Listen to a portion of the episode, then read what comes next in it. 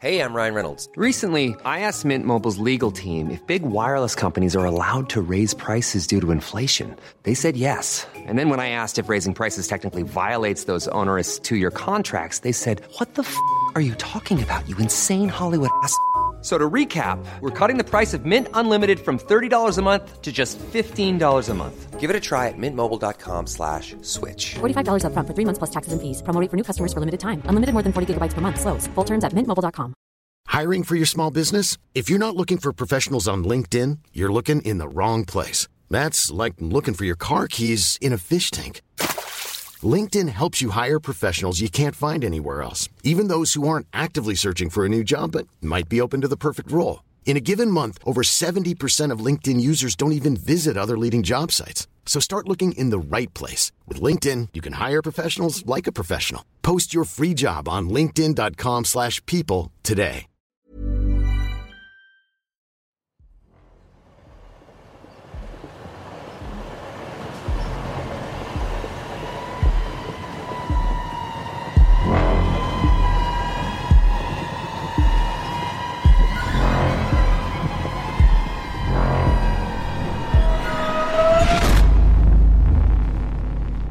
Välkommen ombord på Midnattståget. En podcast om creepypastor och spökhistorier från internet. Varje vecka tar vi oss an en ny berättelse som strävar efter att utforska våra djupaste rädslor. Ikväll ska vi lyfta från jordens trygga yta och bege oss ut på en kosmisk färd. Bortom vår planet. Till månen. Den naturliga satellit som har fascinerat mänskligheten genom alla tider. Men det vi ska utforska idag är inget vanligt månuppdrag. Vi ska dyka in i en berättelse som kanske avslöjar anledningen till varför vi inte satt vår fot där på så länge. Vår berättelse för kvällen heter “Jag vet varför vi inte åkt tillbaka till månen” skriven av Delta 129 på Reddits forum No Sleep. Översatt och uppläst av mig.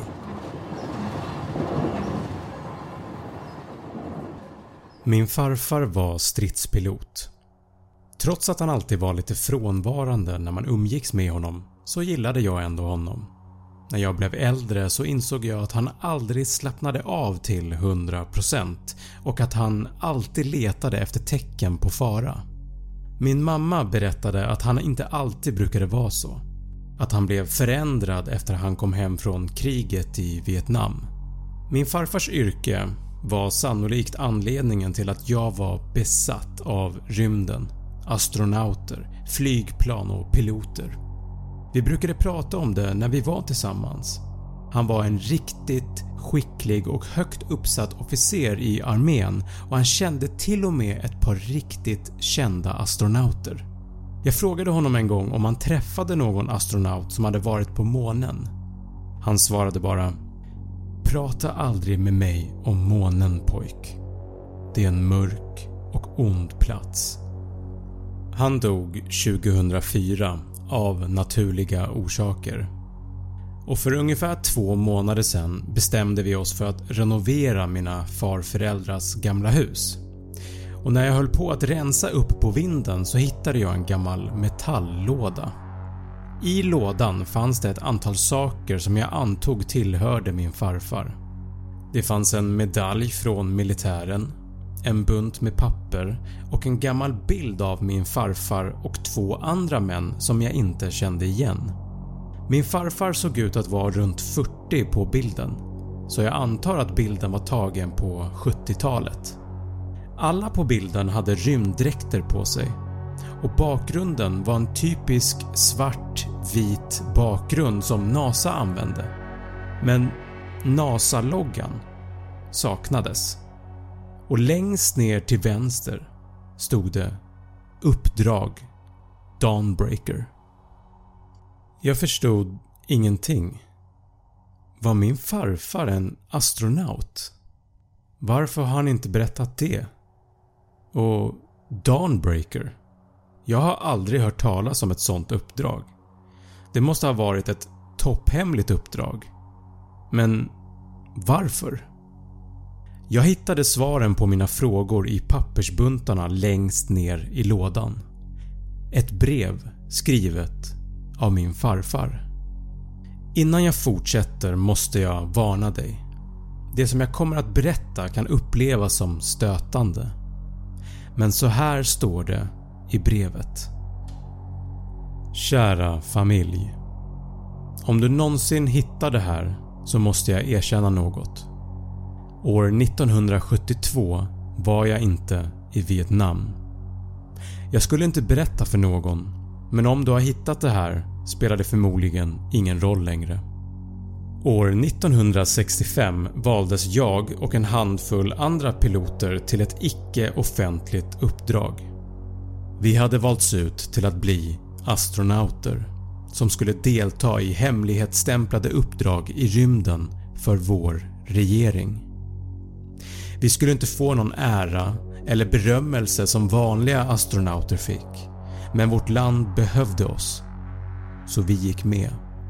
I början av 1972 fick vi veta att vårt land under en ospecificerad tid hade haft en hemlig satellit som kretsade runt månen. De berättade aldrig för oss vad den gjorde eller varför den var där. Det enda de berättade var att för några veckor sedan hade satelliten kraschat på ytan på månens mörka sida av okända skäl. Informationen som satelliten hade var extremt viktig. Regeringen behövde den informationen omgående och skickade därför mig och två andra astronauter för att hämta hem satellitens svarta låda och minneskortet inuti.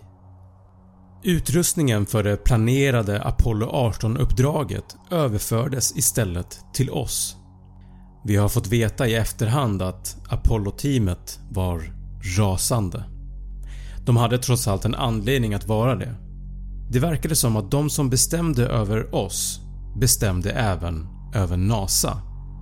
Hela uppdraget var uppenbarligen topphemligt. På pappret så skickades jag officiellt till Vietnam medan jag i verkligheten genomgick rigorösa utbildningar för rymduppdraget. Efter ett par månader befann vi oss till slut på den raket som skulle ta oss till månen. Jag var uppdragschef medan löjtnant Carver var piloten för månlandaren och löjtnant Ackerman var pilot för kommando och servicemodulen som skulle ligga i omloppsbana runt månen. Resan till månen tog ungefär tre dagar. Efter ankomsten låg vi i omloppsbana runt månen. Varje gång vi åkte bakom horisonten till månens mörka sida kände jag lite hjälplöshet när vår kommunikation till hela världen försvann. När signalen skymdes av den sfäriska massan av sten och damm under oss. Månens mörka sida var ingenting som den ljusa sidan, som vi ser nästan dagligen. Istället för den släta gråa ytan och lugna månhav var den istället helt täckt av mörka djupa kratrar och hål. Som om den sakta hade blivit uppäten av universum själv.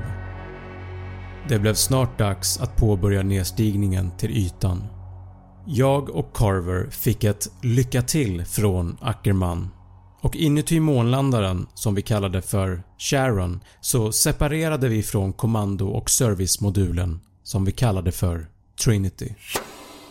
Efter att vi meddelat att Sharon har landat var svaret inte jubel och applåder utan bara “Det här är Trinity.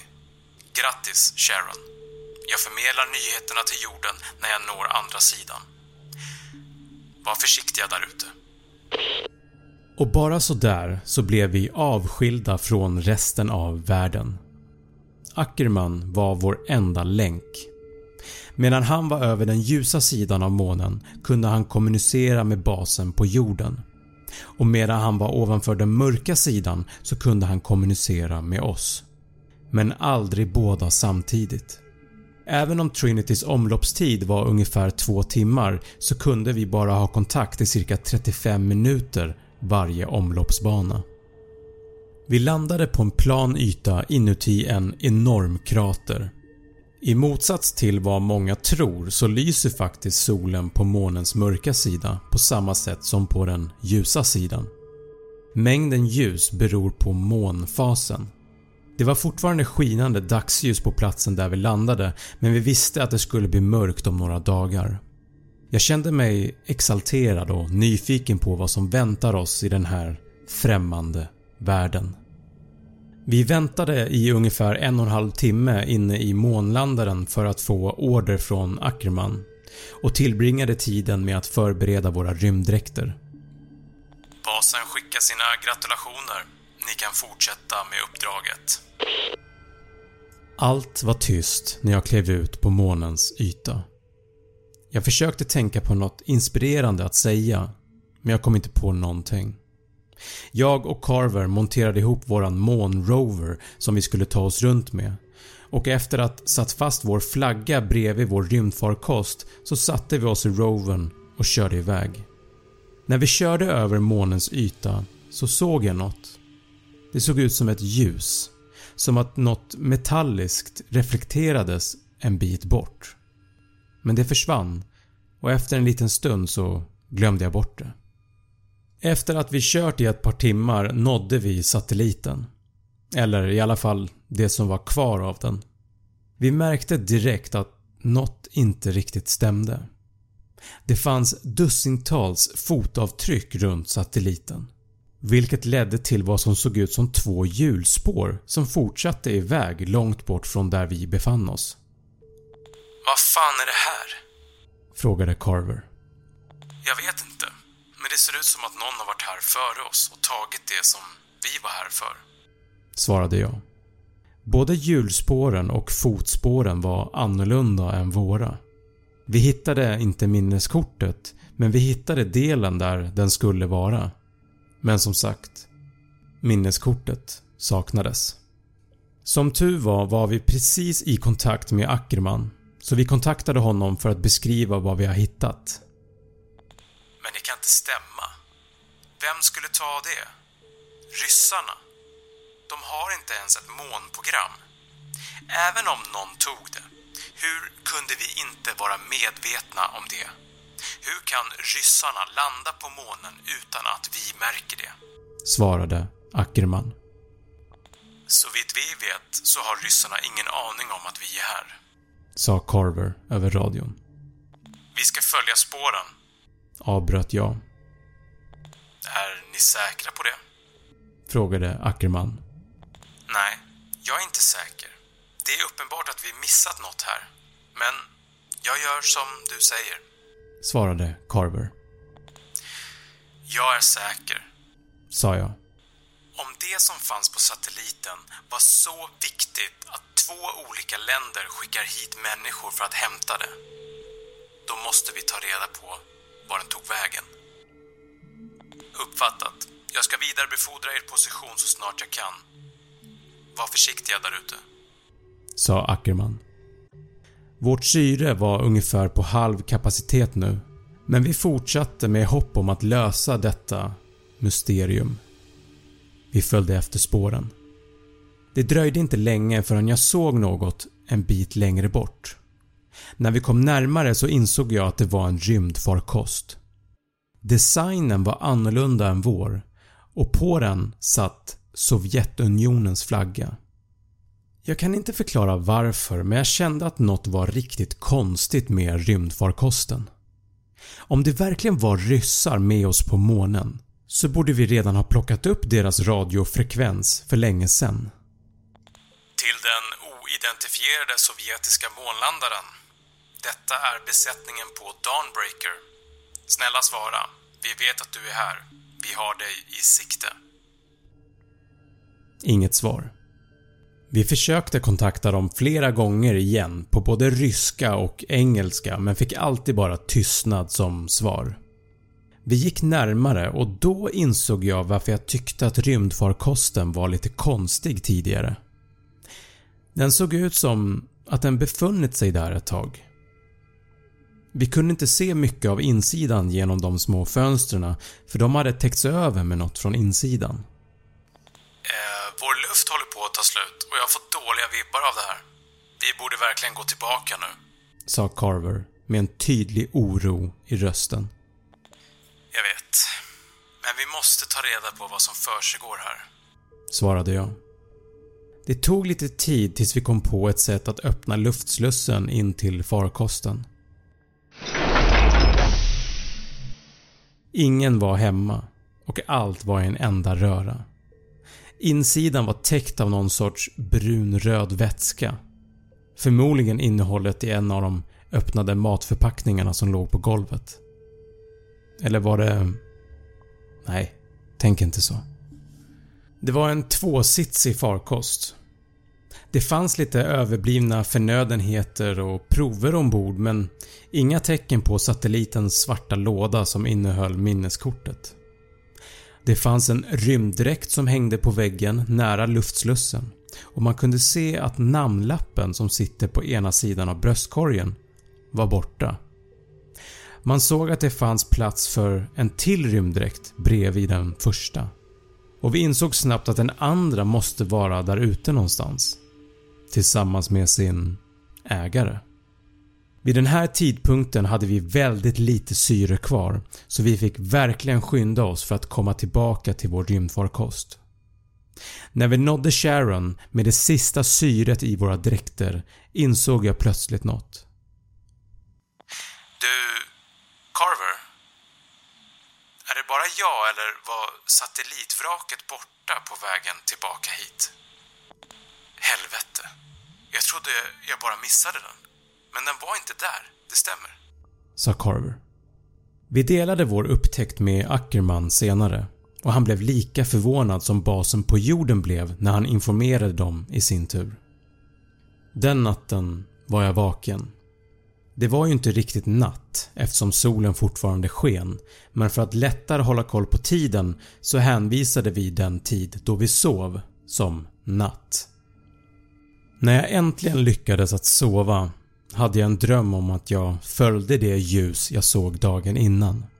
Jag gick och gick i drömmen tills jag hittade rymddräkten från den ryska rymdfarkosten. Den bara låg där i dammet. Armarna och benen på den var vridna och förvrängda på ett onaturligt sätt.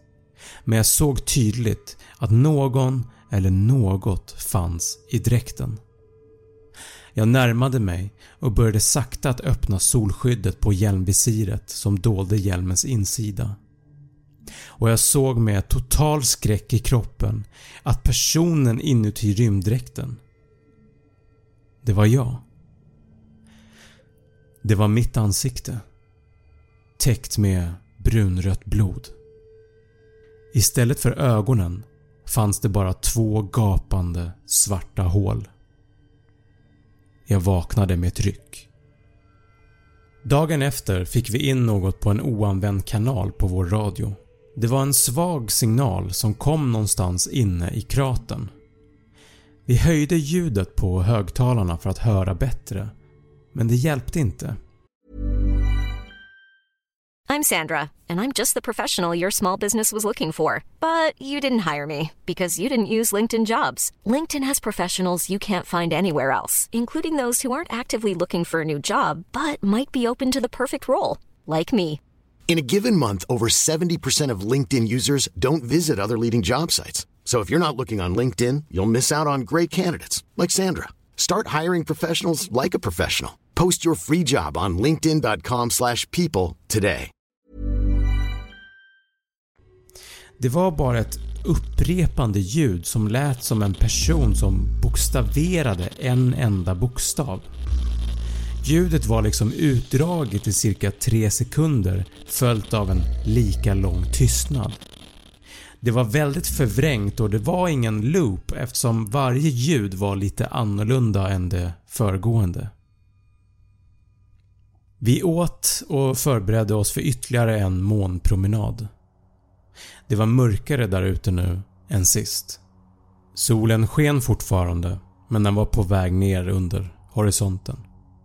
Vi tog rovern och följde signalen i ungefär en timme när vi hittade något som låg i måndammet framför oss. Jag stelnade till när jag såg vad det var. Det var en rymddräkt. Samma som i den ryska rymdfarkosten. Ja du, det verkar som att vi hittade vår försvunna vän. Sa Carver. Jag sa ingenting. Jag hoppade av rovern och gick långsamt fram till dräkten. Vad gör du? Frågade Carver. Mina händer skakade när jag sträckte fram dem för att öppna solskyddet. Innan mina händer fick kontakt med solskyddet så blev dräkten levande och greppade tag i min hand. När ljudet färdades genom våra dräkter hörde jag ett svagt ord. Pomajice. Vilket betyder hjälp på ryska. Vi bar honom till vår månlandare. På hans dräkt kunde vi läsa hans namn. Tarkov. Han var chockad och led av syrebrist. Jag vet inte hur länge eller varför han hade legat där ute men han hade tur som fortfarande levde. De närmsta timmarna föll han in och ur medvetande. Så småningom vaknade han. Vår ryska var dålig men lyckligtvis pratade han tillräckligt bra engelska för att vi skulle kunna förstå varandra. Han kom inte ihåg varför han var där eller vad som hade hänt honom och hans besättning. Eller vad hans uppdrag var. När jag tittade ut genom fönstret insåg jag att vår flagga var borta. Det fanns inga fotavtryck. Det såg ut som att den helt enkelt bara försvunnit. Vid den här tidpunkten började vi verkligen bli oroliga och vi bad om att få avbryta uppdraget. Jordbasen vägrade och förklarade att återhämtandet av satellitens minneskort var extremt viktigt. På natten hade jag samma mardröm som dagen innan. Jag vaknade livrädd och dränkt i svett. Jag såg Tarkov stå vid fönstret och titta ut.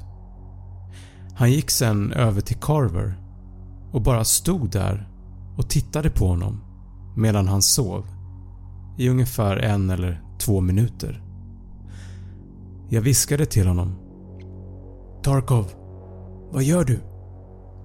Han mumlade något om dem eller när och la sig sen ner igen. Jag sov inte resten av natten. Jag höll ett öga på honom men inget intressant hände. Nästa dag hittade vi en bild eller en karta över kratern som vi befann oss i inuti en ficka i Tarkovs dräkt. Det var en punkt på kartan några kilometer från där vi var som var markerad med ett kryss. Tarkov visste inte vad som fanns där men jag insåg snart att det var i samma riktning där jag såg det där ljuset den första dagen. Vi var tvungna att kolla upp vad det var. Jag och Carver tog på oss våra rymddräkter och gick mot det här mystiska krysset medan Tarkov stannade kvar i Sharon. Om jag ska vara ärlig så hade vår Rover tillräckligt med kraft för att bära oss alla tre men jag insisterade på att den inte gjorde det och att han skulle stanna kvar. Jag litar inte på den här killen. Sa jag till Carver efter att jag var säker på att Tarkov var utanför räckvidden för vår kortdistansradio. Vi landar på månen. Vi hittar inte minneskortet och plötsligt är satelliten borta. Sen hittar vi en förmodad ryss som inte kommer ihåg när han sket senast. Och nu går vi mot en okänd plats som var markerad på hans karta som han inte vet något om. Nej, nej, jag litar inte på honom heller.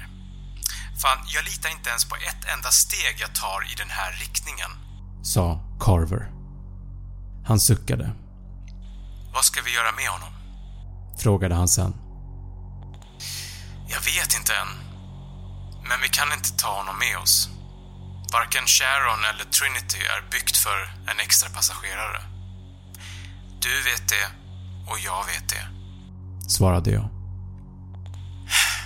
Och jag är rädd att han också vet det. Svarade Carver. Solen började att gå ner.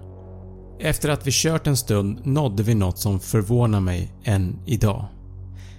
Precis där framför oss var något som jag bara kan beskriva som en tresidig pyramid. Den var cirka 3 meter lång och ytan var helt slät och svart som natten. Vad i hela världen är det där? Frågade Carver. Vi gick runt pyramiden, studerade den, fotade den. Vad fan? Hörde jag Carver plötsligt ropa. Jag vände mig om och såg Carver stelfrusen och stirrade på något. Där, i det svaga solljuset som var kvar, var det en rymddräkt cirka 10 meter ifrån oss. Jag kände igen den. Den saknade namnlappen och jag insåg att det var den dräkten från den ryska rymdfarkosten. Den stod upprätt på fötterna. Solskyddet och visiret var helt öppet. Det som jag fick se skrämmer mig än idag. Den var tom. Dräkten var tom. Men den stod upprätt. Jag samlade mig och hör plötsligt hur min radio sprakar till. Du hör inte hemma här. Den talade med en låg, djup och förvrängd röst. Plötsligt blev jag förblindad av en intensiv ljusblixt. När jag kunde se igen var dräkten borta. Carver, är du okej? Frågade jag. Han var tyst ett tag. Sen svarade han. Okej, fan ta hela det här uppdraget. Jag vill härifrån nu. Vi sprang till rovern och körde tillbaka till Sharon. När vi kom tillbaka var solen redan under horisonten och det var nästan helt kolsvart. Luftslussen var öppen och Tarkov stod utanför i sin rymddräkt. Jag närmade mig honom. Tarkov, lyssna. Det är något som du... Jag stannade till när jag märkte att han höll något bakom ryggen. Men det var för sent. Han svängde runt kroppen och slog mig med en vass stång. Slaget fick mitt huvud att slå till insidan av min hjälm och jag föll till marken. När ringandet i mina öron slutade såg jag honom och Carver slåss i dammet. Jag reste mig upp och kastade mig in i Tarkov och drev oss båda några meter bort. Innan jag kunde stå upp igen var han redan ovanpå mig.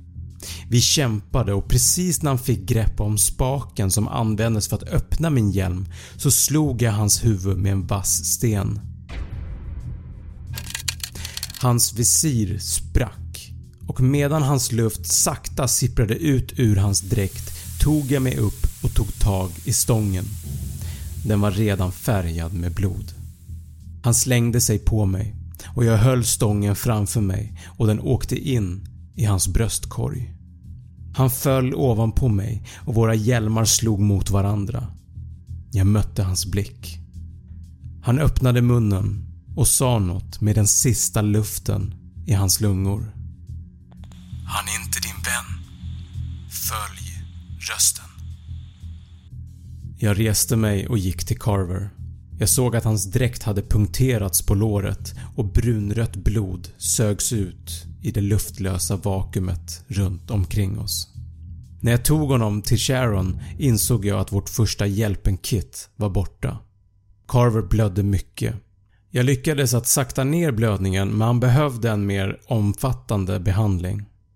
Jag var rädd att om vi skulle lyfta med skeppet så skulle han blöda ut i tyngdlösheten ännu snabbare. Det fanns en första hjälpen-låda i den ryska landaren, eller hur? Sa Carver. Ja, Svarade jag. du måste gå och hämta den. Det är inte så långt härifrån va? Sa Carver. Nej, det är det inte. Men är du säker på att du kan hålla ut tills jag kommer tillbaka? Frågade jag. Ja, gå bara. Innan jag klev ut från luftslussen vände jag mig om. Dö inte Carver. Det är en order. Sa jag innan jag klev ut och åkte iväg. Som sagt tog det inte lång tid innan jag nådde den ryska landaren men det kändes som en evighet i all stress. Under hela resan väntade jag att något skulle hoppa ut ur mörkret. Jag blev inte förvånad när jag såg att dräkten som tidigare hängde på väggen var borta. Men ändå kände jag en rysning nedför ryggraden. Jag tog deras första hjälpenlåda och åkte tillbaka så fort jag kunde. Men jag kunde inte sluta tänka på Tarkovs sista ord. Han är inte din vän. Följ rösten. Meningen upprepades hela tiden inuti mitt huvud. Jag bytte sedan kanal på min radio till den som vi hörde det här obegripliga ljudet på. Den var fortfarande på och ljudet spelades fortfarande. Jag insåg att ljudet var starkare i en viss riktning. Följ rösten. Sa jag till mig själv. Var det här rösten Tarkov menade? Vem är inte min vän? Tarkov? Carver? Chefen på jordbasen? Jag var tvungen att ta reda på det. Jag körde iväg i den riktning där signalen var som starkast. Efter att ha kört i minst 15 minuter nådde jag en liten krater med en diameter på cirka 10 meter. Med min strålkastare såg jag direkt att det var någonting inuti. Men jag kunde inte se vad det var. Jag klev över kanten och gick in i kratern och ställde in mitt ljus till full styrka. Jag stod där förlamad av skräck i vad som kändes som flera timmar. Det fanns ett stort rektangulärt block av samma material som pyramiden i mitten av kratern. En kropp låg ovanpå den. Armarna och benen var förvridna på det där hemska sättet som i drömmen. Kroppens ögon saknades och istället fanns bara två gapande hål. Det var Carver. Det var en liten låda intryckt i hans mun. Det var den svarta lådan med minneskortet från satelliten. Jag tog ut lådan och sprang därifrån så fort jag kunde. Carver var död. Men om Carver är död, vem var Carver som jag lämnade i Sharon? Han är inte din vän var det enda jag tänkte på hela vägen tillbaka. När jag kom tillbaka var Tarkovs kropp borta men Carver var fortfarande där och låg och blödde. Men det var inte Carver. Vad var det för något? Tack och lov att du är tillbaka. Sa Carver. Inte Carver. Carver var död. Söndertrasad. Död. Mår du bra? Fortsatte inte Carver. Ja, jag har första hjälpen-lådan. Svarade jag. Han kunde inte veta att jag vet. Den kunde inte veta. Jag behandlade hans det sår och fick stopp på blödningen. Jag spände fast honom, spände fast det och spände sedan fast mig själv. Jag berättade inte för honom det att jag hade hittat minneskortet. Jag berättade inte för det att jag hade hittat honom. Med motorn vrålande under oss pressades vi in i tomrummet ovanför oss. Jag skrev tidigare att jag vid flera tillfällen upplevt att minuter passerade som om de var timmar. Uppstigningen och mötet med Trinity tog bara en kvart eller 20 minuter. Men de här minuterna kändes som decennier. Jag ville skrika så högt att mina lungor skulle gå sönder. Jag ville kräkas. Men jag kunde inte eftersom det skulle få reda på det. Jag ville svimma men jag kunde inte. Jag var tvungen att rädda Ackerman. Efter en evighet så dockade vi äntligen med Ackerman och Trinity. Under hela uppdraget hade vi hållit honom uppdaterad men att träffa honom var annorlunda. Han var rädd. Men jag var ännu mer rädd. Han visste inte att Carver inte var Carver. Men jag visste. Jag knäppte snabbt upp mitt bälte och tryckte ut Ackerman ur dockningstunneln. Jag sparkade Carver, inte Carver, rätt i ansiktet när han försökte följa efter. Jag stängde dockningstunneln bakom mig. Vad fan gör du? Vad är det för fel på dig? Skrek Ackerman och slog mig mot väggen i kommandomodulen. Öppna inte. Det är inte Carver. Det där är månlandaren. Det är inte Carver. Förstår du? Ropade jag tillbaka. Trots att han var en härdad soldat så kunde jag se tårar i Ackermans ögon. Jag svävade förbi honom och över till kontrollerna. Innan jag dockade av Sharon tittade jag på fönstret i dockningstunneln en sista gång. Där var det. En sak med Carvers ansikte och kropp, men inte Carver, stirrande på oss. Men hans ögon var helt släta och svarta som natten själv. Han öppnade munnen på ett sätt som helt enkelt inte var möjligt för en människa och gav ifrån sig ett högt öronbedövande vrål som jag önskar att jag kunde glömma.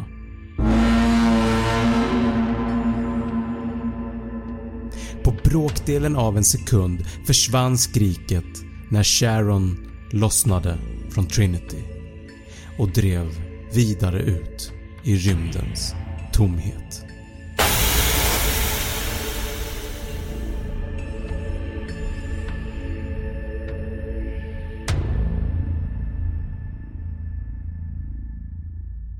Jag och Ackerman sa inte ett enda ord till varann under de tre dagar det tog att resa tillbaka till jorden. Vi satt i karantän i flera månader efter att vi kommit hem. Ingen förklarade någonsin för oss vad som hände på uppdraget. Jag fick aldrig veta vad som fanns på minneskortet. Ärligt talat så ville jag inte veta heller. Men vad som än fanns i det var det tydligen tillräckligt för att avbryta alla andra uppdrag till månen framöver. De släppte oss så småningom och gjorde det väldigt tydligt att vi aldrig ska prata om det här. Jag såg aldrig Ackerman mer efter den dagen. Den enda gången jag pratade om honom var när ett par män i kostymer kom hem till mig ett par år efter uppdraget. “Har du varit i kontakt med löjtnant Ackerman den senaste tiden?” frågade en av dem. “Nej, jag har aldrig pratat eller hört något från honom sedan uppdraget. Har något hänt? svarade jag. Jag är ledsen att behöva berätta det men löjtnant Ackerman hittades död i en skog igår. Jag var tvungen att sätta mig. Jag kände honom inte så bra men vi tillbringade en hel del tid tillsammans i vår träning och vi levde genom helvetet tillsammans så det var mer än tillräckligt för mig att betrakta honom som en vän. Stackars Ackerman. Hur dog han? Frågade jag till slut. Vi vet inte än. Men han hade ett flertal frakturer på sina armar och ben. Och hans ögon var bortplockade.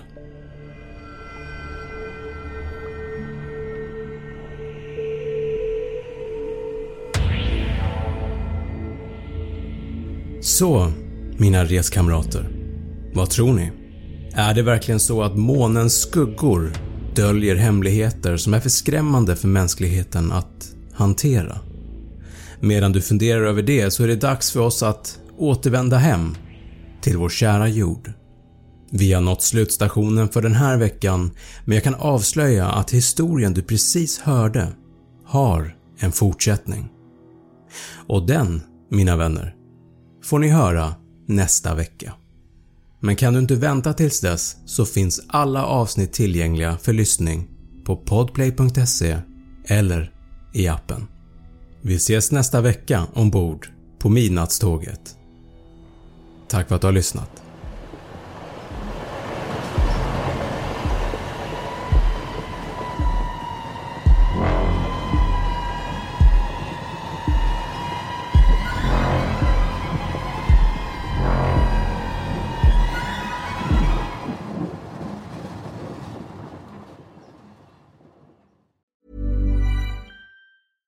Hey, it's Danny Pellegrino from Everything Iconic. Ready to upgrade your style game without blowing your budget? Check out Quince. They've got all the good stuff shirts and polos, activewear, and fine leather goods, all at 50 to 80% less than other high end brands. And the best part? They're all about safe, ethical, and responsible manufacturing. Get that luxury vibe without the luxury price tag. Hit up quince.com slash upgrade for free shipping and 365 day returns on your next order. That's quince.com slash upgrade.